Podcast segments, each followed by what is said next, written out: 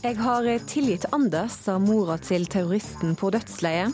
Åsne Seierstad har skrevet ei vond, men viktig bok, mener anmelderne.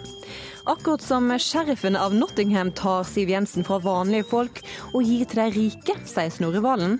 Han har misforstått eventyret, svarer Frp. Og endelig er sjakk-VM i gang, og vårt verdensmesterhåp Magnus Carlsen har spilt uavgjort i sin første kamp mot sin store konkurrent. Velkommen til ukeslutt her i NRK P1 og P2. Jeg heter Sara Victoria Rygg. Og I denne sendingen skal vi også prate med ei som aldri har snakka med Sigbjørn Johnsen, men som nå prater med finansministeren hver eneste dag.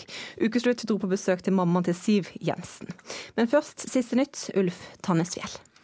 Ja, Magnus Carlsen og indiske Vishy Anand spilte altså uavgjort i det første partiet i VM-kampen i sjakk. Carlsen startet med hvite brikker, og partiet varte i en og en halv time. Carlsen var ikke helt fornøyd med hvordan partiet forløp. I was not too thrilled about the way the game went. Uh, in general, in these lines, play develops uh, a little more slowly. Uh, but here, um, there was an immediate crisis, and um, it didn't seem that any of my options were particularly promising, particularly as I'd missed uh, on move uh, 13, queen e1 that night before is, is very strong. So from then on, I, I just had to pull, pull the emergency brake and, and um, to go for a draw.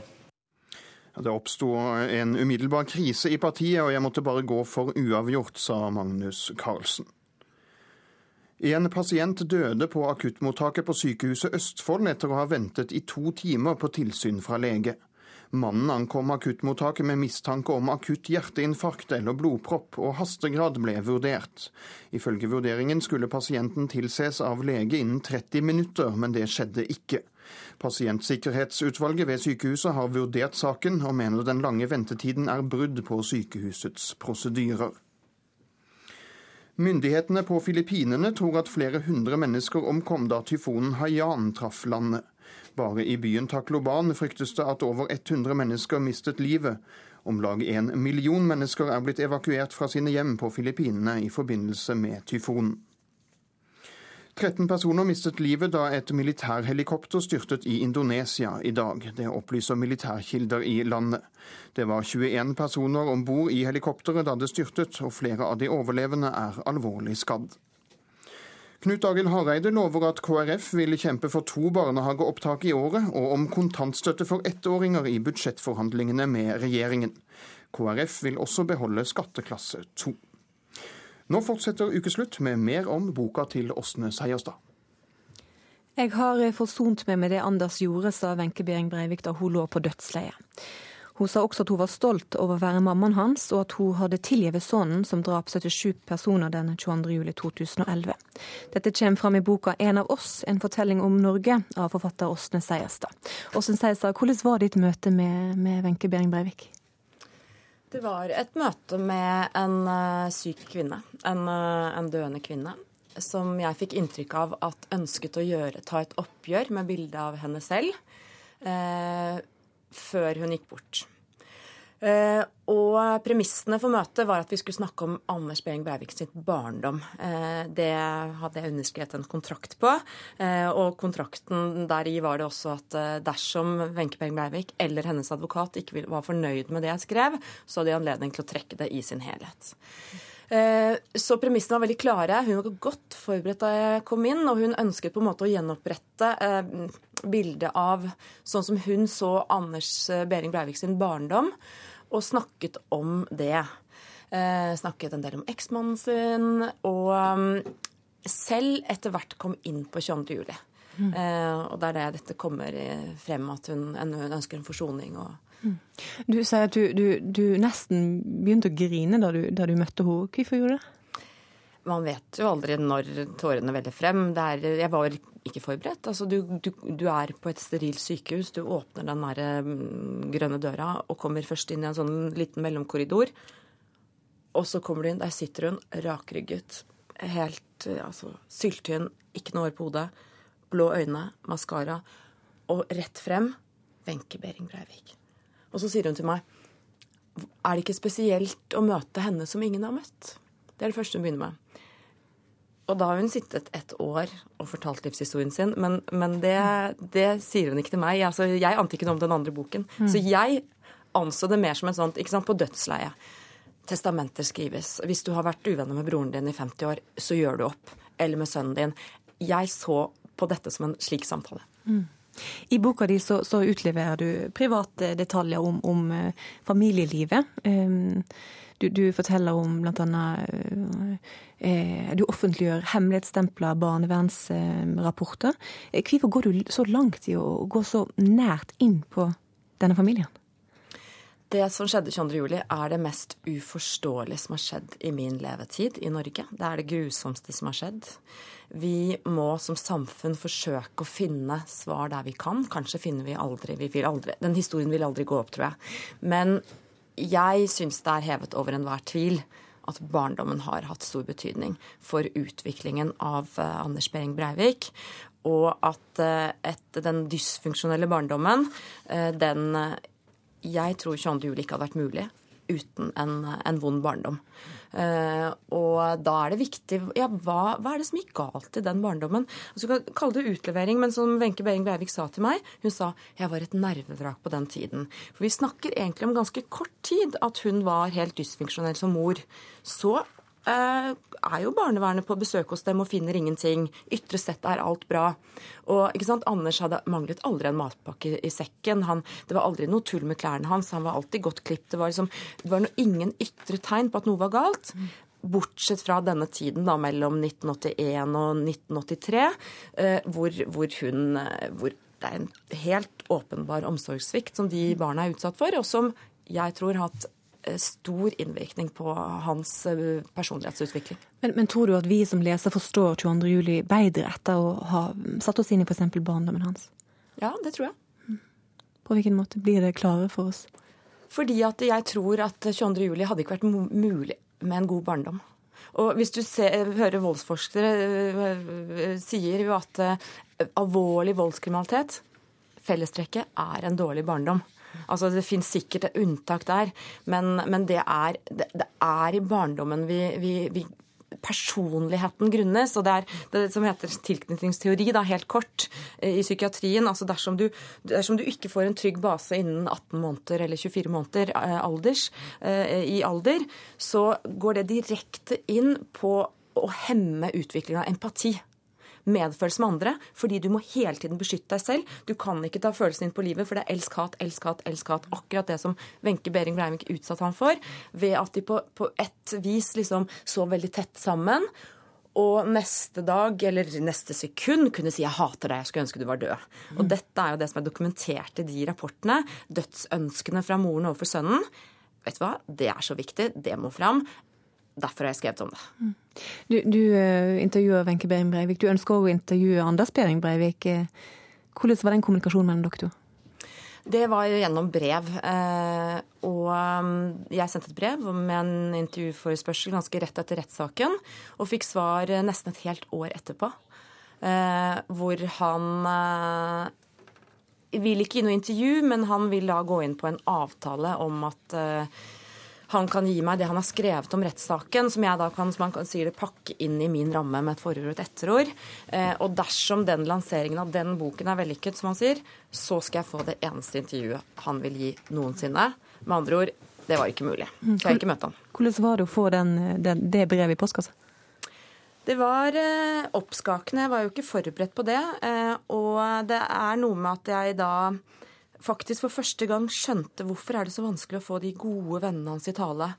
Jo, fordi faktisk når man har hatt kontakt med han, så føler man seg litt tilskitnet. Eh, sånn var det. Mm.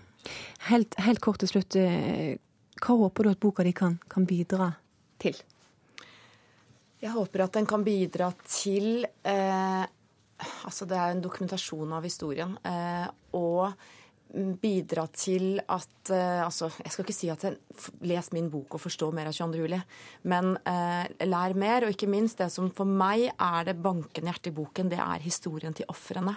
Hvordan er det Altså, boken handler om tilhørighet. Den handler om mangel på tilhørighet. Den handler om å være foreldre. Det handler om fravær av foreldre. Det handler om å Eh, altså Det handler om barndom, det handler om eh, gode barndommer, ødelagte barndommer. altså Det er på en måte, det er en bok om, om livet. Så jeg tenker at i så måte er det en viktig bok. Mm.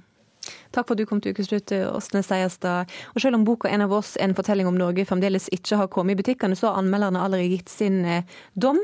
Velskrevet bok som går langt i å utlevere, skriver Dagbladet. En vond, viktig bok, mener VG. Kulturkommentator i NRK Agnes Moxnes, du har lest boka. Hva, hva syns du om den? Jo, Det er jo ikke noe tvil om at det er en uh, viktig bok, og så er det en veldig velskrevet bok. Nå må du si til at det er Kjell Lars Berge som skal anmelde denne boka her i NRK. Uh, jeg har lest en bok av en forfatter som er drivende dyktig til å, å skrive.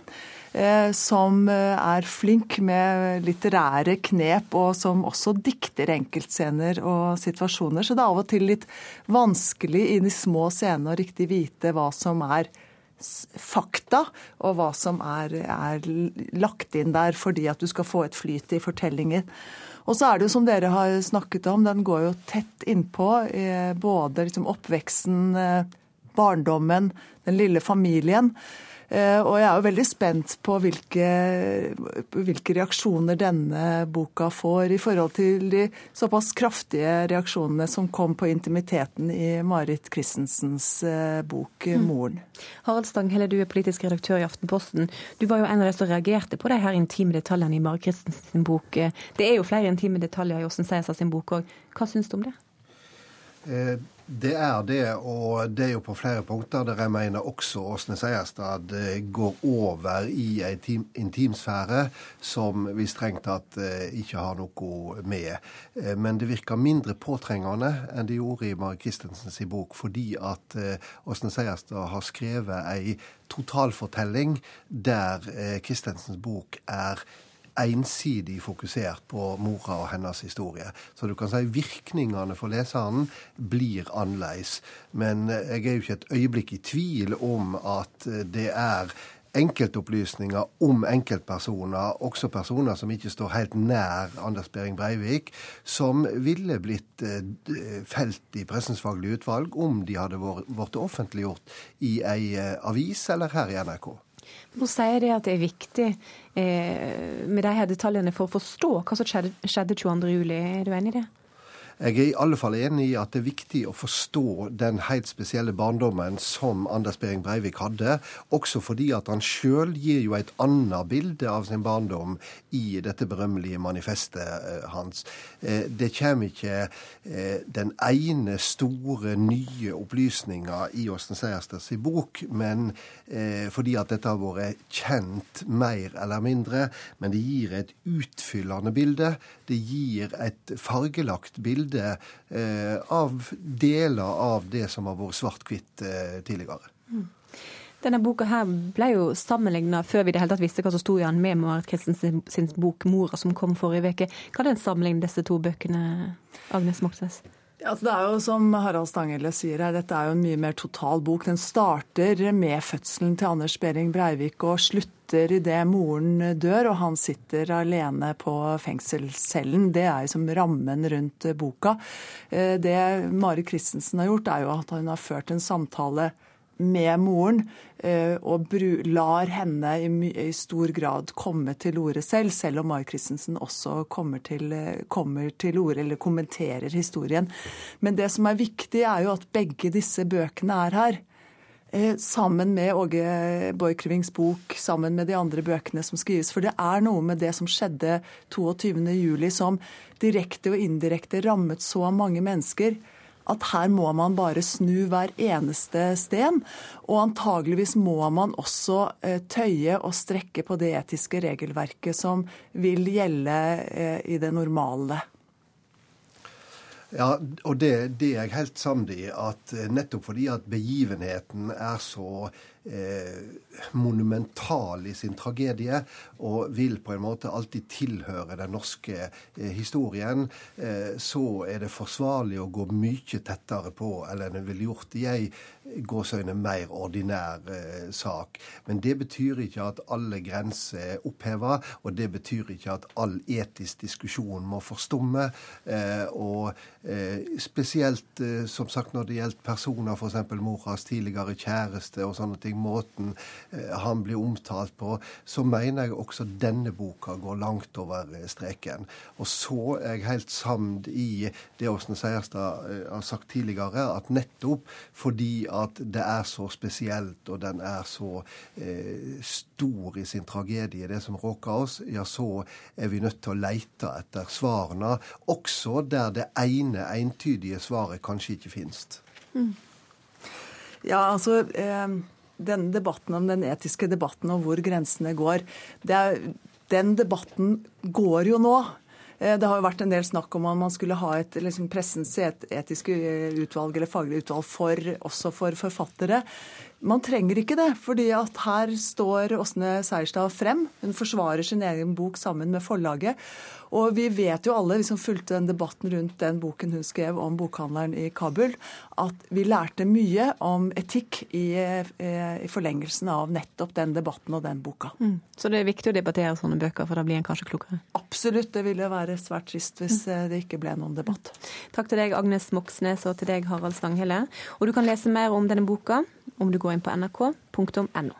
Jeg lurer på, Hva tenker du om Siv Jensens eh, første statsbudsjett? Du, jeg er så vidt jeg nettopp har uh, fått oversikt, men det virker jo bra. Ah, det har jeg ikke sett, jeg har gått glipp av det. Jeg har vært så mye på jobben.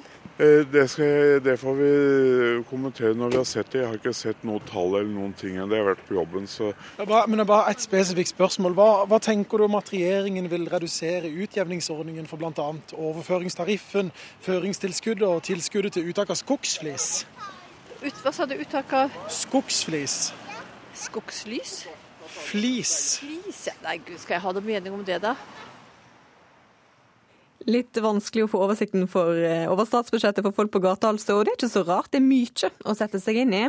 Du har lest deg opp på dette budsjettet, Snorre Valen, finanspolitisk talsperson i SV. Og du mener regjeringa opptrer som sheriffen av Nottingham, altså at de stjeler fra de fattige og gir til de rike. Hvorfor sier du det?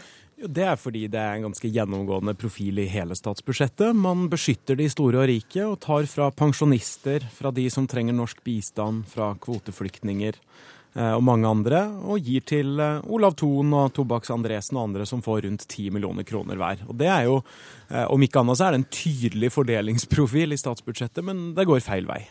Så det burde vært mer som Robin Hood, kanskje?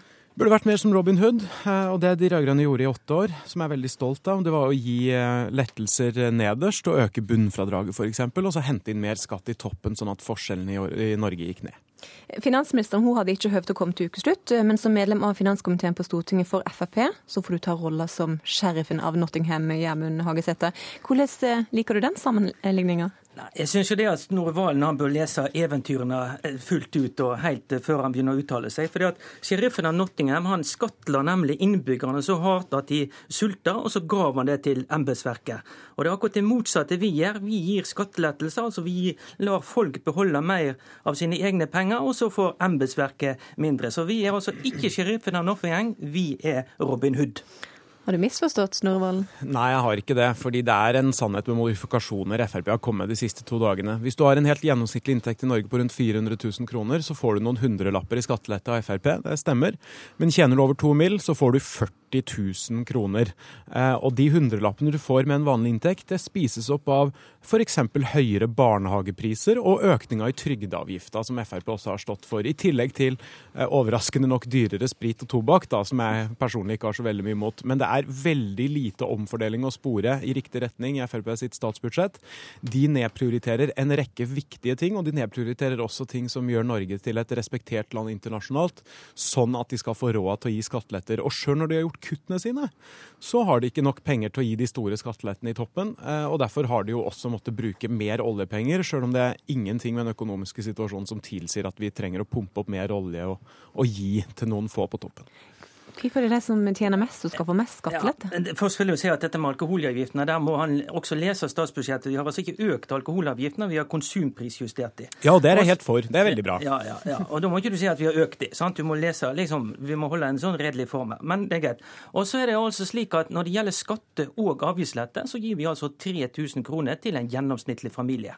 Eh, og der er det altså slik at Når man gir skattelette, så er det da veldig altså fort gjort at man treffer på de som betaler skatt. Og Hvis man skal altså gi prosentvis skattelette, så er det altså slik at de som betaler mye skatt, vil få mer skattelette enn de som betaler lite, lite skatt. Eh, det er jo det ene. Men så gir vi også avgiftslette. og F.eks. vi reverserer da elavgiften. Det betyr 250 kroner for en gjennomsnittsfamilie. Det er ett eksempel. Det betyr ikke så mye for en som tjener veldig mye, men det betyr kanskje en god del for en minstepensjonist. Og Dette er altså første skrittet i vår, eh, vårt eh, Vi har altså sittet eh, Høyre-Frp-regjeringen har vært nå fungert i, i, tre uker. og Dette er altså det første skrittet, det første retningen. Vi skal ned skatte- og avgiftstrykket, vi skal forenkle, og vi skal også prioritere mange andre områder, sånn som helse, slik at vi får ned helsekøene, og, og justis osv., slik at vi får ned kriminaliteten. Snorre Valen, du mener at Høyre-Frp-regjeringa sitt budsjettforslag er et sterkt varsel om nedbygging av fellesskapet? På hvilken ja. måte? Jo, Det er fordi jeg tar Gjermund Hagesæter på ordet. De har hatt tre uker på seg. Jeg syns de har fått til ganske mye Høyre-Frp-politikk på den tida. Jeg gruer meg til neste års statsbudsjett. Uh, han nevnte pensjonistene. Det er jo en av de gruppene som kommer ut i minus fordi man øker trygdeavgifta for å finansiere skatteletter til andre som, som tjener mer. Det, det, er helt feil, det er helt feil, og det vet Snorre Valen. Pensjonistene kommer ikke og, dårligere ut. Jo, når du øker trygdeavgifta, så gjør du det, for de ja, får ikke skatteletter. Men hvis jeg kan fullføre resonnementet, fordi det er sånn at noen få hundrelapper til en vanlig vanlig inntekt spiller liten rolle når man kutter i kulturskoletimene, når man øker maksprisen i barnehagen, når man fjerner to barnehageopptak så det blir vanskeligere å være i full jobb, når man avvikler ordninga med gratis tannhelsekontroll for eldre, når man kutter i områdesatsinga i storbyene, som er viktig for integrering og utjevning. Altså det er tvers, tvers igjennom i hele statsbudsjettet så er det sånn at det er vanlige folk som skal betale på masse ulike måter for at du skal gi noen kjempestore skatteletter i toppen. Og det er jo til og med sånn at på side 143 i proposisjonen til, til, Fremskrittspartiet og Høyre så skriver de rett ut at de legger til grunn at flere kvinner kommer til å bli værende hjemme med barn, og det gir en innsparing på 35 millioner kroner. Så det er i det minste ærlig, men å komme og si at det er særlig sosialt eller utjevnende, det er det ikke. Er det riktig plass å spare? Nei, altså Det som er poenget, er at vi har et vanvittig høyt skatte- og avgiftstrykk. Og Vi reduserer da skattetrykket nå med 8 milliarder kroner. Og de aller fleste eh, skattekuttene det går på de mellom 350 og 1 million kroner. Og Det er veldig viktig å snu den utviklingen som har vært nå. Altså I dag så er det høyere skatte- og avgiftstrykk enn det var for åtte år siden. Eh, og Det gjør at hvis du f.eks. går til en håndverker og du betaler en håndverker 10 000 kroner, så mer enn 6000 kroner er skatt og avgifter. og mindre enn 4000 er da direkte til håndverkeren. Og Det gjør det at konkurranseevnen til norske bedrifter er blitt svekka de siste årene. Vi ser at ledigheten stiger, og det er den trenden vi ønsker å snu. Nå skal vi trygge bedriftene, vi skal trygge arbeidsplassene i Norge. og Da er vi nødt til å ta grep for å forbedre rammebetingelsene og senke skatte- og avgiftstrykket, og også investere i mer infrastruktur, mer vei og bane, og også få ned bompengeandelen på de prosjektene. Snorre Valen, du skal få svare kort på det. Ja, Det som har gjort Norge til et flott land å bo er at vi både har høye lønninger og høye skatter, og det gir høy utjevning. Og det Frp sier nå, er at for å sikre oss i framtida, så må vi gjøre det motsatte av det som har gjort Norge til en velferdsstat. Og vi satt jo sammen i høring på mandag og tirsdag, og da trygla norsk industri oss f.eks. om å ikke bruke mer oljepenger, fordi det er det som rammer konkurranseevnen til norsk industri og næringsliv på fastlandet. Eh, at man bruker for mye oljepenger, at for mye penger havner i olja og ikke i fastlandsindustrien, og at det kan føre til en sterkere krone neste år. Så Fremskrittspartiet, hvis det er konkurranseevnen dere er opptatt av, så burde dere ikke brukt mer oljepenger for å gi til noen av de rikeste i landet. Eh, da burde dere ha prioritert helt annerledes. Siden 2005 så konkurransekraften til norske bedrifter og arbeidsplassene i Norge blitt utryggere. Den er blitt svekka, og det er det vi ønsker oss å snu. Når det gjelder de eh, fire milliardene vi bruker mer oljepenger, så kan jeg love deg, Snorre, de pengene de blir brukt fornuftig. Ja, men Hagesæter sitter her og rister på, på, på, hodet i studio. Jeg tipper du rister litt på, på hodet i studio i, i Trondheim òg, Snorre Valen. Dere er uenige her, men, og du eh, Hagesæter var òg uenig i Snorre Valen sin eventyrreferanse hva, hva, eventyr vil du helst at Høyre-Frp-regjeringa skal bli sammenligna med? Jeg syns for så vidt at historien Robin Hood er en veldig utmerket god historie. Han eh, tok eh, altså eh, ga pengene tilbake igjen til innbyggerne. Tok fra staten og embetsverket og lot innbyggerne beholde mer av skatteinntektene og det skattene, inntektene sine. Og det syns jeg er en utmerket historie. Så hvis man forteller den riktig, så er det bra. Og det er vi som altså er Robin Hood. Jeg tror Robin Hood ville tatt imot de 500 kvoteflyktningene fra krig og nød som Frp ikke vil slippe inn i landet. Takk til deg, Snorre Valen, og til deg, Gjermund Hagesæter. Jeg har aldri snakket med Sigbjørn, finansminister Sigbjørn Johnsen, men nå snakker jeg med finansministeren hver dag. Ei som har mye kontakt med vår nye finansminister, som kjenner Siv Jensen kanskje best av alle, det er mamma Monica Kjelsberg. Og I går så fulgte hun ekstra spent og rørt med da dattera la fram regjeringa sin, sine endringer til statsbudsjettet. Ukeslutt sin reporter Elisabeth Onsum hun dro til Ullen og møtte ei som aldri hadde trodd at dattera skulle bli politiker. Er stengt hver fredag. Det er bare så vidt Monica Kjelsberg har tid til å slippe meg inn. Klokka er noen minutter på ti, men askebegeret på stuebordet vitner om en tidlig start på dagen. Jeg, jeg var jo oppe halv syv i dag, så, for jeg skulle ha med meg henne når hun var, ble møtt hjemme. og så var hun jo i God morgen Norge, og så var hun i NRK. Jeg skulle ha med alt. På TV-skjermen blir Siv Jensen intervjuet på vei til Stortinget. Om få minutter skal den ferske finansministeren i ilden. Lillebror Tom Jensen følger også med. Jeg er veldig stolt av henne. Mor må tørke noen tårer. Jeg syns jo det er litt sterkt å, å, se henne stå der som finansminister. Det, fordi at da, Jeg tror det var først da det gikk opp for meg at hun er finansminister. For det har alltid vært Sigbjørn Johnsen som har gått der. Ikke alltid, da, men uh, i hvert fall de senere årene. Og nå er det min lille jente. Det er litt uh, spesielt. Vi er på Ullern i det som ble Siv Jensens hjem fra tenårene etter at foreldrene ble skilt. Kjøleskapdøra er dekket av bilder av Siv og de to yngre søsknene. Når er det fra? Er det konfirmasjon? Konfirmasjonsbildet av Siv har fått plass i trappa. Men skal vi tro mor, ble konfirmasjonspengene slett ikke svidd av i tankeløshet. Har hele tiden vært eh, bevisst. Så hun var veldig flink til å spare. Og, og, ja, og jobbet hele tiden. Vi hadde jo ikke all verdens råd, så vi kunne ikke kjøpe alt verden til henne. Så. Lillebror bekrefter det mor sier. Hun var jo jente og var jålete. Eh, og brukte penger på klær og sminke og sånn som alle andre jenter. Men eh, hun tjente pengene før hun brukte dem, og hun sparte eh, opp til de tingene hun ville ha. Og kjøpte seg ting etter at hun hadde jobbet hardt for det. Men at hun skulle bli yrkespolitiker, kom som en overraskelse. Det hadde jeg ikke drømt om. Hva, hvorfor ikke det? Altså, jeg trodde at hun ville valgt et yrke sånn henhold til utdannelsen sin. Hun er jo diplomøkonom, så et eller annet innen det. Men det gikk så fort når det gikk fort. Men Har du denne utklippsboka? Likevel, den politiske karrieren er godt dokumentert. I kjellerboden har Monica sitt eget anstendige arkiv. Ikke en eneste avisartikkel eller et eneste bilde har unnsluppet saksa til Monica. Hva, I brudekjole? Hva er det for noe? Nei. Den bare ligna? Nei, nei. Det hadde vært så vel, så. Hun tok over som parlamentarisk formann. Herfra, dette må jo være fra Se og Hør eller noe sånt? da? Mm. I rød Da fikk hun, da fikk hun jommen meg seks, du. Prikker. Terningkast seks, ja. ikke verst. Men da hadde ikke Jan Thomas begynt der ennå, tror jeg. Jan Thomas? Han gir henne bare én og to. og det moren ikke har arkivert, fins på YouTube.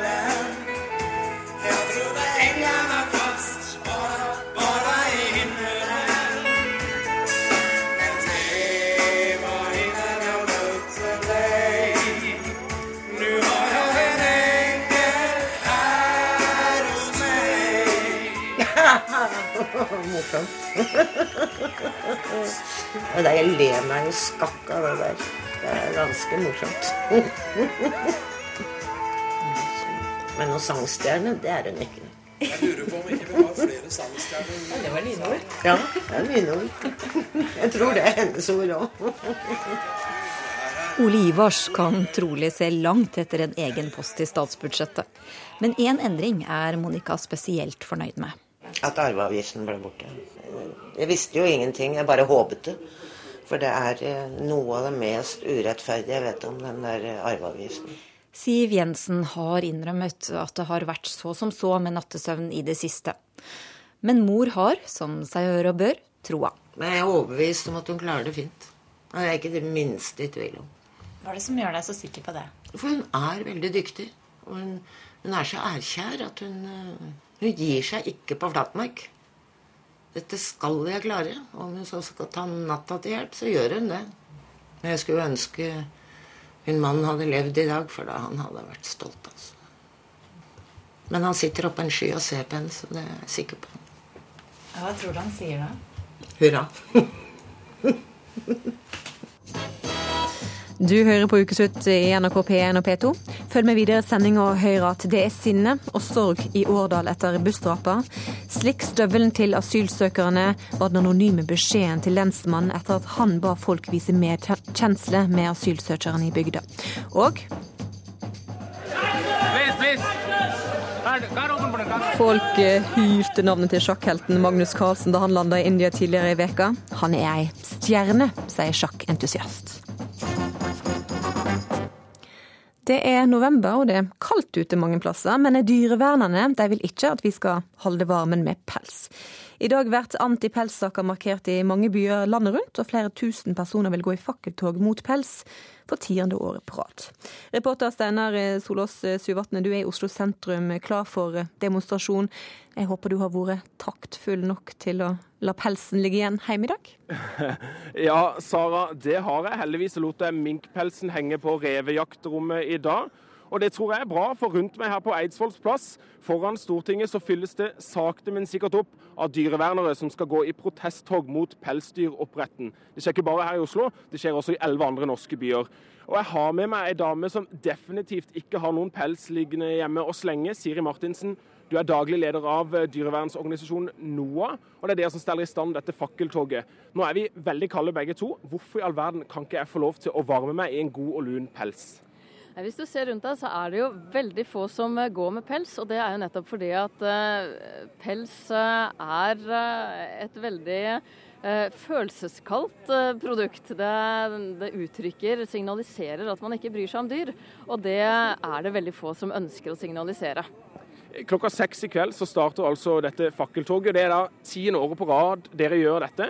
Hva er det dere håper å få ut av et, slik, et slikt arrangement en lørdagskveld? Det er tusenvis av mennesker som har eh, markert eh, sin motstand mot pelsdyroppdrett nå i, eh, i, over, i, ti år. Og det er så utrolig viktig at vi viser politikerne at vi ønsker at Norge ikke skal henge etter i dyrevelferdsutviklingen. Flere land i Europa forbyr pels. Veterinærforeningen ønsker at vi skal forby pelsdyroppdrett. Og nå må politikerne høre på folket. Eh, Siri Martinsen, jeg vet jeg skal ha med dere en del kjentfolk i kveld. Hanne Søvåg, Tor Åge Bringsvær, Charlotte Thorseth. De tre store, som de kalles. Men jeg kunne sikkert alltid satt med dere enda flere. Vi har med oss en her. Hva heter du? Ada. Har du Ada, tenkt å gå i eh, fakkeltog mot pelsdyroppdrett i kveld? Eh, nei, jeg hadde ikke tenkt det. OK, Siri Martinsen. Her eh, har vi et problem. Nå skal du få en hårete utfordring av meg. Nå må du komme med ditt beste argument for at Ada her skal møte opp og droppe lørdagstacoen og gå i fakkeltog istedenfor. Det skal jeg. Det handler jo om at rev og mink sitter innesperret i trange nettingbur på under 1 kvadratmeter bare for å bli tatt livet av for et luksusprodukt. Og vi ville jo ikke gjort det med hundene og kattene våre, og vi bør heller ikke gjøre det med disse dyrene. Det er jo sånn at de fleste av oss er mot dyreplageri, og over 60% av befolkningen ønsker at dette skal stoppe.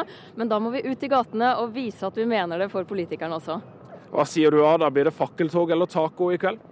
Nei, kanskje jeg skal ta meg en tur i fakkeltoget? Veldig bra, da har du gjort en god jobb, eh, Siri Martinsen. Da tror jeg at eh, Siri Martinsen er veldig fornøyd. Nå deler hun flyer her til Ada. Så får vi se. Det blir omtrent mellom 2000 og 4000 mennesker her i fakkeltoget i kveld. Dersom de holder varmen uten pels, da, så klart, eh, Sara. Takk til deg, reporter Steinar Solås Syvatne, helt uten pels. Bygda Årdal fikk uventa og uønska merksemd tidligere denne veka. Tre personer ble drepne på Valdresekspressen. En asylsøker er sikta for drapet. Hendinga har gått hardt inn på befolkninga i bygda. De fleste er triste, men det er også de som er sinte. Sinte fordi bygda for bare et par måneder siden tok imot 150 asylsøkere mot sin vilje. Ukeslutt sin reporter Ida Tune Øretsland hun dro til industribygda innerst i Sognefjorden. Årdalene er veldig spe, er spesielt folkeferd. Altså Når vi er forbanna, så vet vi gir beskjed. og vi uh, uttrykker oss på en sånn måte som er lett å forstå. Altså, det ligger ikke noe mellomord i. Det er bare rett fram. Men samtidig så er vi et voldsomt følsomt folk. Og, når ting uh, griper inn i samfunnet vårt, så vi, uh, har vi en veldig fellesskapstanke om at da, da, står vi i lag, og da står vi i lag på så det monner. Altså. Hilmar Høl er Arbeiderpartileder i Årdal og hovedvernombud ved Hydros aluminiumsverk i bygda. Er Jens Stoltenberg? Ja. På kontorveggen henger avisutklipp av Hilmar og Jens Stoltenberg. Stoltenberg har flere ganger besøkt industrisamfunnet, der Arbeiderpartiet står usedvanlig sterkt. Ja, han har hatt noen turer. Årdal, som er mest kjent som en industribygd, har fått oppmerksomheten retta mot seg av helt andre grunner etter at en asylsøker drepte tre personer som var på vei med buss fra Årdal til Oslo. Det er jo, det er jo forferdelig bestialt, det som skjedde.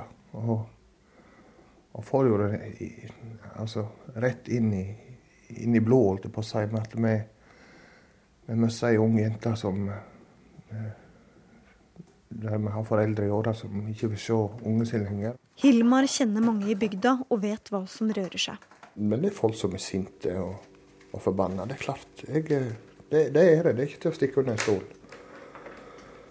Altså, han, han, kan agere med sinne, og da kan han si mye dumt og gjøre mye dumt. Men samtidig så forstår han jo at, at folk viser, viser det ved sinne og viser det med Altså skriver en del ting som kanskje ikke burde vært skrevet. da. Nei, det vi ser her, det er vel eh, årdølenes eh, måte å vise hva, hva, de tenker på med å tenne lys. Og eh, det er jo en sentral stein i Årdal, Årdalstangen. Lensmann i Årdal, Magne Knutsen, ser ned på lys, blomster og kort som er satt frem til minne om de drepte. Og spesielt 19 år gamle Margaret Molland Sanden, som var fra Årdal. Nei, det, det gjør noe med deg når du ser det her. Det gjør det. Før, før man reiste hjem på mandagskvelden, så vi de første lysene. Ja. Har dere vært og tent lys? Det har vi. Ja. Samtidig så er det noen som viser sinne og aggresjon. Jeg har jo sjøl mottatt ytringer på min politimail i forbindelse med, med, ting som jeg har uttalt meg om. F.eks. at vi må ta vare på alle sammen. Og også våre 150 nye asylsøkere som er i bygda. Ja, Hva fikk du høre da?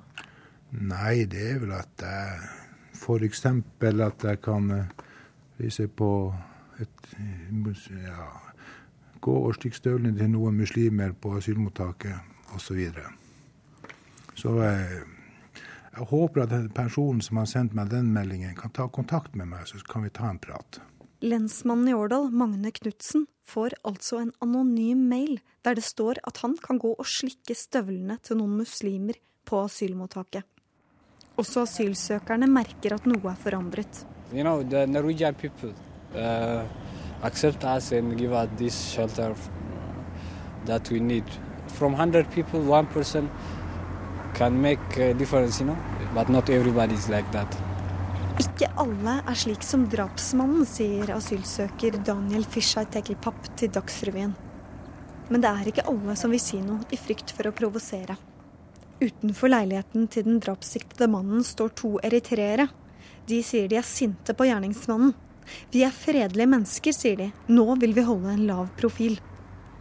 Det jeg merker, er at noen vegrer seg til å gå ut og handle.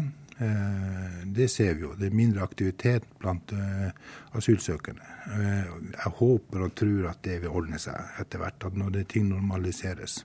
Jeg har også møtt samme sorgen hos dem som alle oss andre.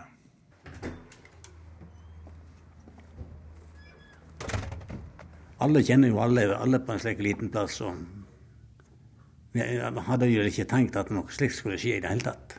Det er jo, nesten, det er jo så grusomt som det kan bli.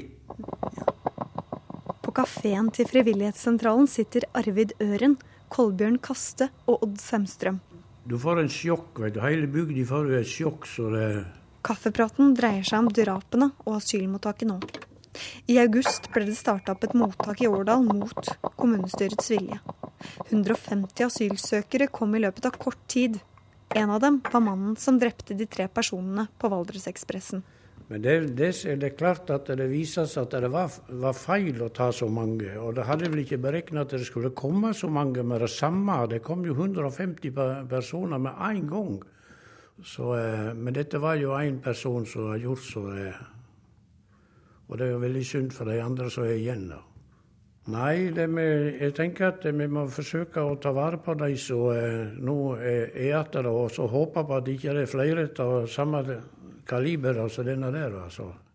Og I går kveld jeg gikk forbi der, så var faktisk de som hilste først på meg. Så det er klart at de føler seg vel noe utrygge, de òg.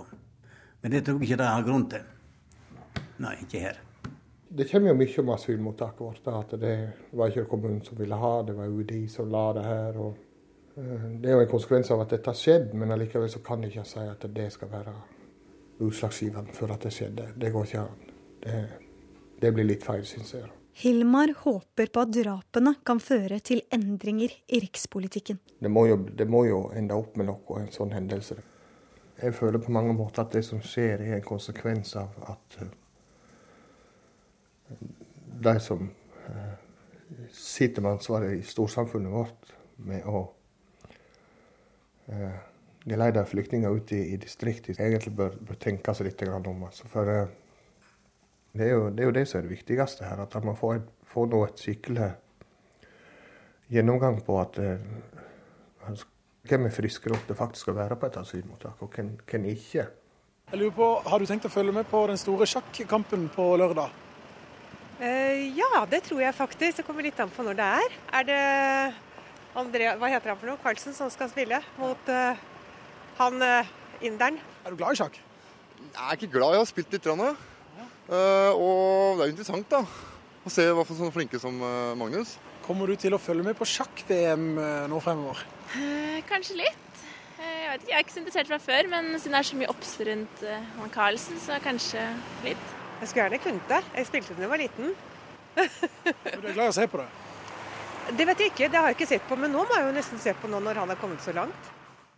Magnus Carlsen har skapt et aldri så lite sjakkhysteri her i, i, Norge. I NRK så sender vi 100 timer med sjakk-VM denne helga. Og for kort tid siden så ble det første partiet mellom Magnus Carlsen og konkurrenten Vishy Annan avslutta. Partiet ble uavgjort.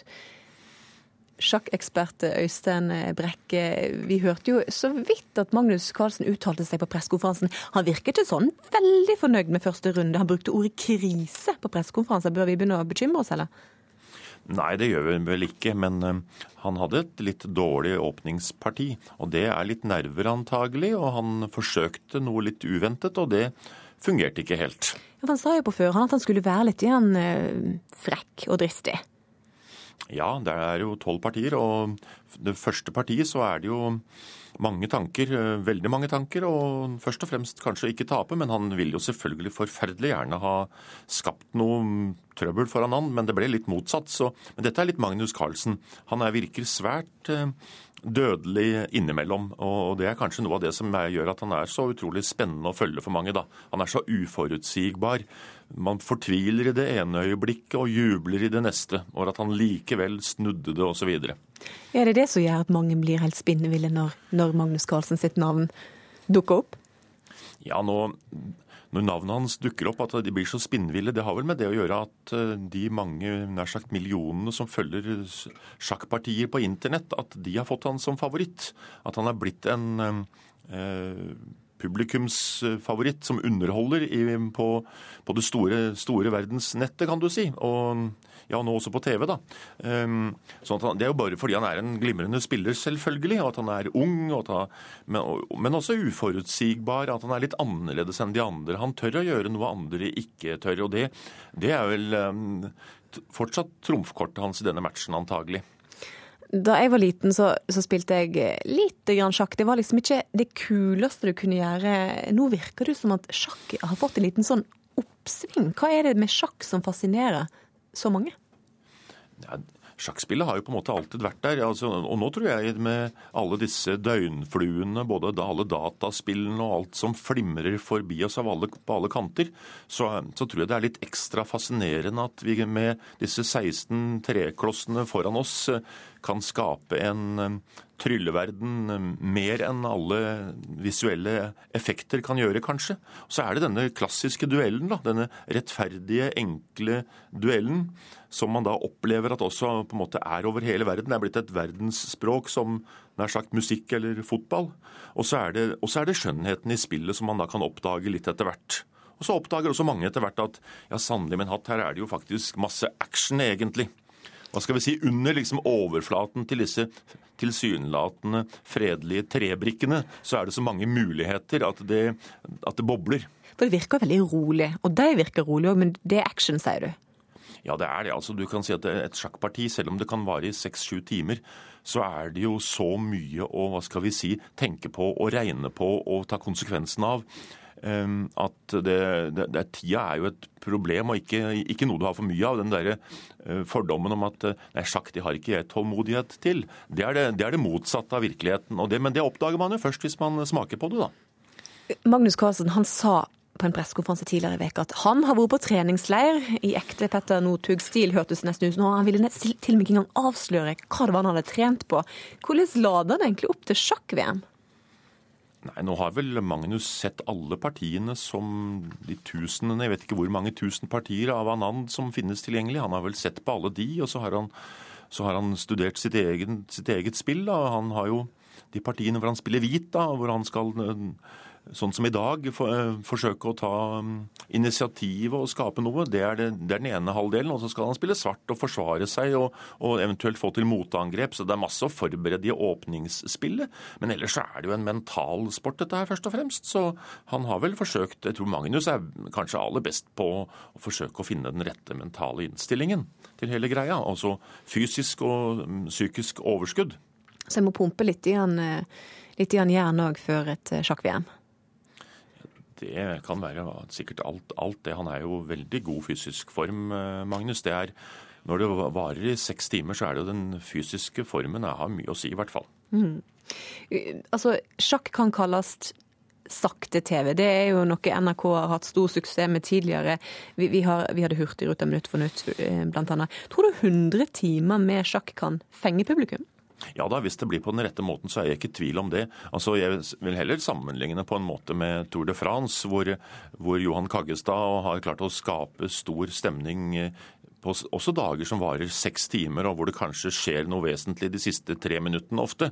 Eh, ikke sant? Og, og, men hvor du liksom, det, det bygger opp til en, til en, avgjørelse, og det er masse å studere liksom eh, Ja, selve spillet i, mell, i, mellomtiden. Det foregår et spill før det blir avgjort. Men eh, tilsynelatende så, så sitter de jo bare der og, og tråkker. Og, det, sånn er det jo også når de spiller sjakk. De, de sitter jo tilsynelatende bare og flytter på noen trebrikker. Da har vi fått med oss reporteren vår i India, Mats Nyborg Strøstad. Et kort spørsmål til deg før vi avslutter sendinga her. Hvordan virker Magnus Carlsen etter eh, innsatsen i dag? Nei, han, han virka jo egentlig ganske fornøyd på måten han, han, svarte på. Men når du snakker med alle som er rundt han, så er det ikke noe tvil om at det var veldig skuffende for Magnus i dag å, å ikke få noen ting mer ut av det enn et litt svakt uh, uavgjort resultat. Du har kanskje ikke svar på spørsmålet mitt, men jeg stiller det likevel. Jeg blir uh, Magnus Carlsen verdensmester i sjakk, tror du?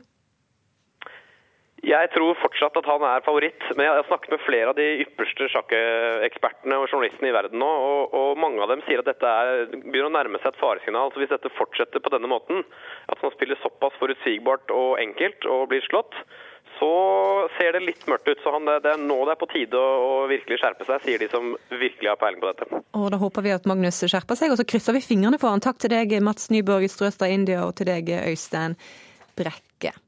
Og da er det på tide med et værvarsel, statsmeteorolog Rafael Escobar Løvdahl. Så Først starter vi med temperaturutsiktene. Sør-Norge uendret, søndag litt lavere temperatur. Nord-Norge uendret, litt stigende. Spitsbergen stigende temperatur. Så til selve varselet som gjelder til søndag klokken 24. Fjellet i Sør-Norge. Skiftende bris, snøbyger i Langfjella, ellers opphold. Søndag nordvestbris, snøbyger nord for Dovre, ellers opphold. Østlandet og Telemark. Skiftende bris, regn. Lite nedbør nord for Oslo. Snø i indre og høyere strøk. Fra søndag morgen nordvestbris, etter hvert til dels pent vær. Agder nordøstlig til dels frisk bris. Regn. Snø i indre og høyere strøk. Fra i kveld nordvestlig bris, til dels liten kuling på kysten vest for Lindesnes. Avtagende nedbør. Fra søndag ettermiddag nordlig bris og til dels pent vær. Vestlandet sør for Stad. Frisk bris av skiftende retning. I kveld nordvest i sør. Regnbyger, snøbyger over 7 til 1000, nei, 700 til 1000 meter. Søndag nordlig frisk bris. På kysten nord for Obrestad stiv kuling. Fra om ettermiddagen minkende. Regn eller sluddbyger i Nordfjord. Snøbyger over 200-400 meter. Ellers opphold. Møre og Romsdal og Trøndelag. Sørvest bris, regnbyger i ytre strøk. Snøbyger over 700-1000 meter. Fra i kveld nordvest liten kuling. Regn eller sluddbyger, snøbyger over 100-400 meter. Helgeland, Saltfjellet, Salten, Ofoten. Sørlig stiv kuling, mest opphold. Søndag vestlig liten kuling. Søndag kveld nordvest sterk kuling nord for Saltfjellet. Regn eller sluddbyger. Lofoten og Vesterålen. Sørlig sterk kuling. Fra i kveld sørvest stiv kuling. Søndag kveld nordvest sterk kuling. Regn eller sluddbyger. Troms sørlig frisk bris. Fra i kveld stiv kuling. Søndag kveld nordvest sterk kuling på kysten. Oppholdsvær Søndag enkelte snø- eller sluddbyger. Finnmark sørlig bris, økende til stiv kuling. Pent vær i vest, ellers opphold i øst. Nordsjøland på Spitsbergen sørøstlig frisk bris, oppholdsvær. Fra søndag ettermiddag nordlig bris, om kvelden stiv kuling på kysten. Periodevis snø. Dette var værvarselet fra Meteorologisk institutt. Ukeslutt er over for i dag. Ansvarlig for sendinga var Eivind Våge, Karl Johan Rimstad, Oda Holm Gulbrandsen og jeg heter Sara Victoria Rygg. Riktig god helg.